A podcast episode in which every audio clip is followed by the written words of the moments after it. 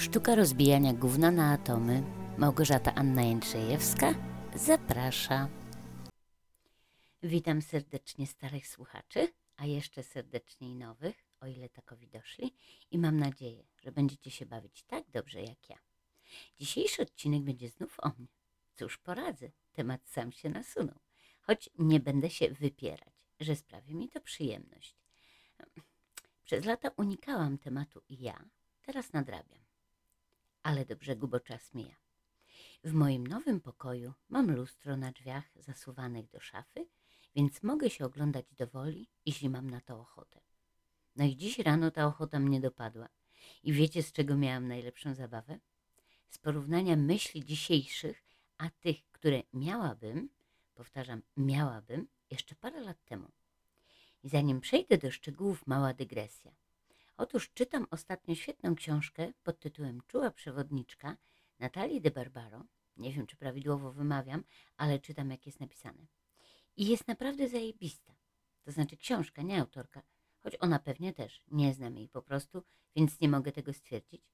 A książka jest zajebista być może dlatego, że opowiada o tym, co ja już odkryłam i tylko potwierdziła się moja intuicja. Ale dlaczego o tym mówię? Nie chcę spoilerować, sama nie znoszę, jak ktoś podaje za wiele informacji o książce, do której się przymierzam, dlatego powiem tylko tyle. Autorka podaje trzy wewnętrzne postaci, które nas w jakiś sposób definiują, funkcjonują w naszym imieniu, jeśli im na to oczywiście pozwolimy. I zgadzam się z nią, choć mój podział jest troszkę inny.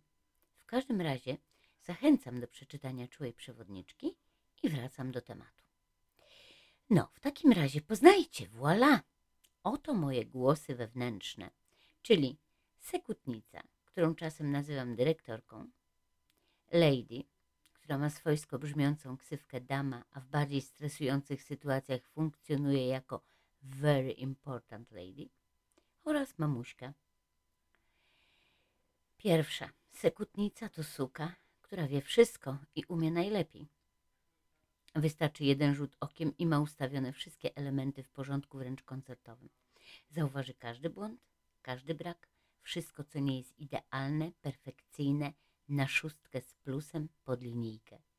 Nie dość, że zauważy, to jeszcze skrytykuje w sposób agresywny, bez udzielania żadnych forów ze względu na coś tam. Jest wredna, złośliwa, drobiazgowa, pamiętliwa. Nie wybacza, nie pochwali, bo nie widzi powodu do chwalenia. Nigdy. Sekutnica to połączenie wewnętrznego krytyka z rodzicem, a jej główne teksty to w dupie byłaś, gówno widziałaś, jesteś do niczego, na niczym się nie znasz, kiedy w końcu zmądrzejesz, nic nie potrafisz zrobić dobrze, jesteś totalnym nieudacznikiem, już za późno. Znacie taką? Macie z nią kontakt? Bo ja miałam bardzo częsty, teraz ograniczam na maksa. Niech się wali małpa jedna. Kolejny typ to, jak już mówiłam, trojga nazw lady, dama lub very important lady, która istnieje generalnie powszechnie, ale w mojej rodzinie mam wrażenie, że to słowo ma specjalne znaczenie. Przynajmniej dla mnie. Bo wiecie, mój tata popełnił mezalians, to znaczy ożenił się z dziewczyną nie ze swojej sfery.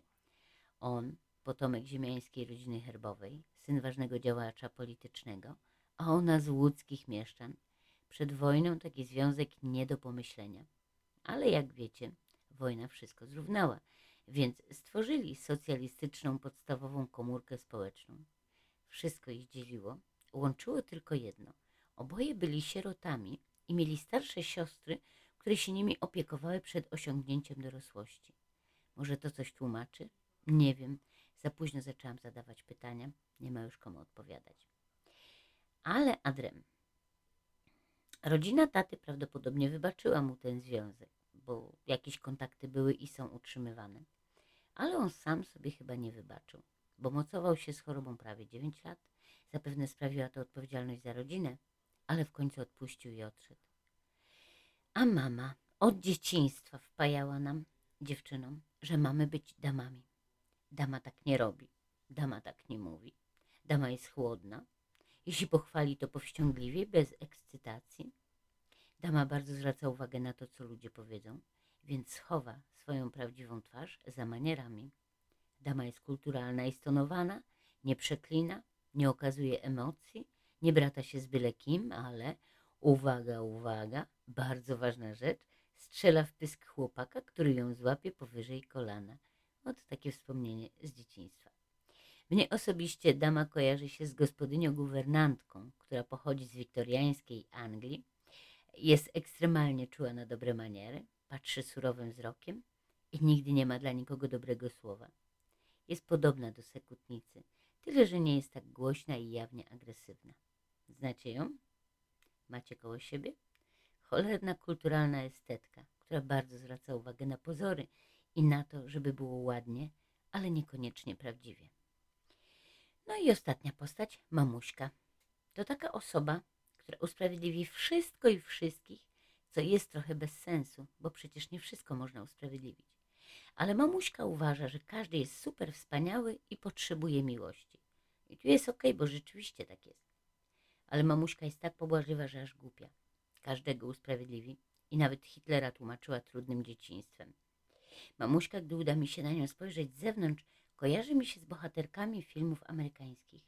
Czyściutkie sukienki i fartuszki, nieskazitelna blond fryzura, wszystko na najwyższym poziomie.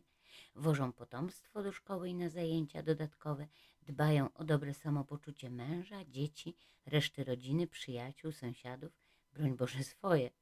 Stale są uśmiechnięte, biorą w obronę i głaszczą po główkach kogo się tylko da. Mamuśka nie ma własnego życia i nie ma własnego zdania. Ciągle ogląda się na innych, co powiedzą. Determinuje ją to, co widzi o, sobie u innych. No, i te trzy panie gościły przez całe moje życie w mojej głowie.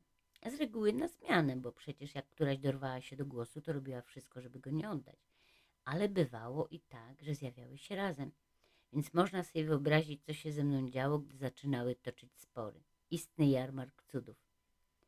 I dziś rano, po scenie z lustrem, jeden z takich sporów mógłby wyglądać następująco. Posłuchajcie. Mamuśka z pocieszeniem w głosie i nutką pobłażliwości. No, Małgośka, wyglądasz całkiem nieźle na swoje lata. Niestety, nie może powiedzieć nic więcej, bo sekutnica przerywa brutalnie. Czyś ty zwariowała? Jakie nieźle. Dobrze, że cycki całe życie miała małe, to przynajmniej teraz, gdy przypominają uszy baseta, nie zwisają do kolan, a do pępka. To jedyny plus. A poza tym tłuszcz aż kapie. Wałek na wałku, wałkiem wałek pogania, ale nic dziwnego, jeśli ona ciągle tylko szczęką rusza. No nie możesz być aż tak okrutna, jęczy mamuśka. Przecież ona dopiero co rzuciła palenie. Normalne, że przytyła, a sześć kilo to wcale nie jakoś dużo. Ale przytyła. Ciągle wpieprza, szczególnie słodycze. Nic dziwnego, że wygląda jak wygląda.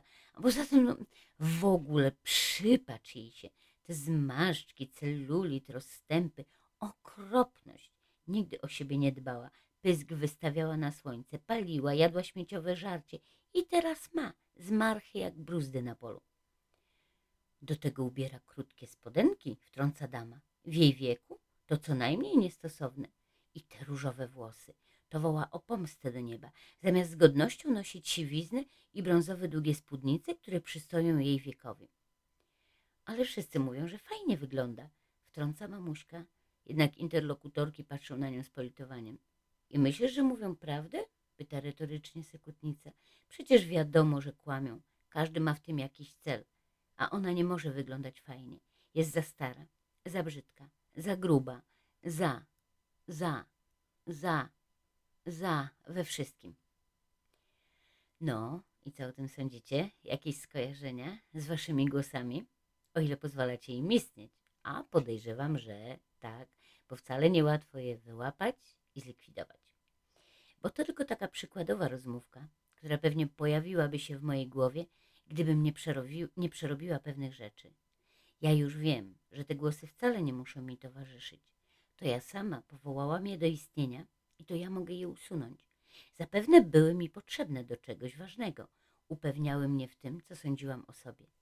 Ale dziś wiem, że już ich nie potrzebuję i wiem, że nie chcę mieć przy sobie nikogo, kto może mi powiedzieć, nie nadajesz się do niczego. Sekutnico, damo, mamuśko, dziękuję wam za wsparcie, jakie ono nie było. Wasze uwagi nie są w stanie mnie już ruszyć. Wiem, kim jestem i znam swoją wartość i nie muszę się podobać nikomu. Najważniejsze, żebym podobała się sama sobie, akceptowała siebie prawdziwą, nawet jeśli inni nie będą chcieli mnie akceptować. Nie muszą. Ostatecznie nie jestem banknotem pięćdziesięciofuntowym czy zupą pomidorową albo gołąbkami. No, jak widzicie, opanowałam w miarę te trzy baby, którym się wydawało, że mogą mną rządzić. Fakt, jeszcze czasem dochodzą do głosu, ale naprawdę rzadko, rzadko, coraz rzadziej. I dziś moja wielka scena przed lustrem wyglądała tak. Małgośka, kurczę, naprawdę wyglądasz zajebiście. Możesz zmienić coś, jeśli chcesz, ale naprawdę nie musisz. Nie musisz. A wiesz dlaczego? Bo jesteś idealnie nieperfekcyjna albo perfekcyjnie nieidealna. I to jest to. Jesteś wystarczająca. A teraz, moja kochana, przestań się podziwiać, zbieraj dupę w troki i zasuwaj do roboty. I tym optymistycznym akcentem żegnam się z Wami do kolejnego odcinka. Pozdrawiam Cię krótko, Wasza Małgośka. Pa.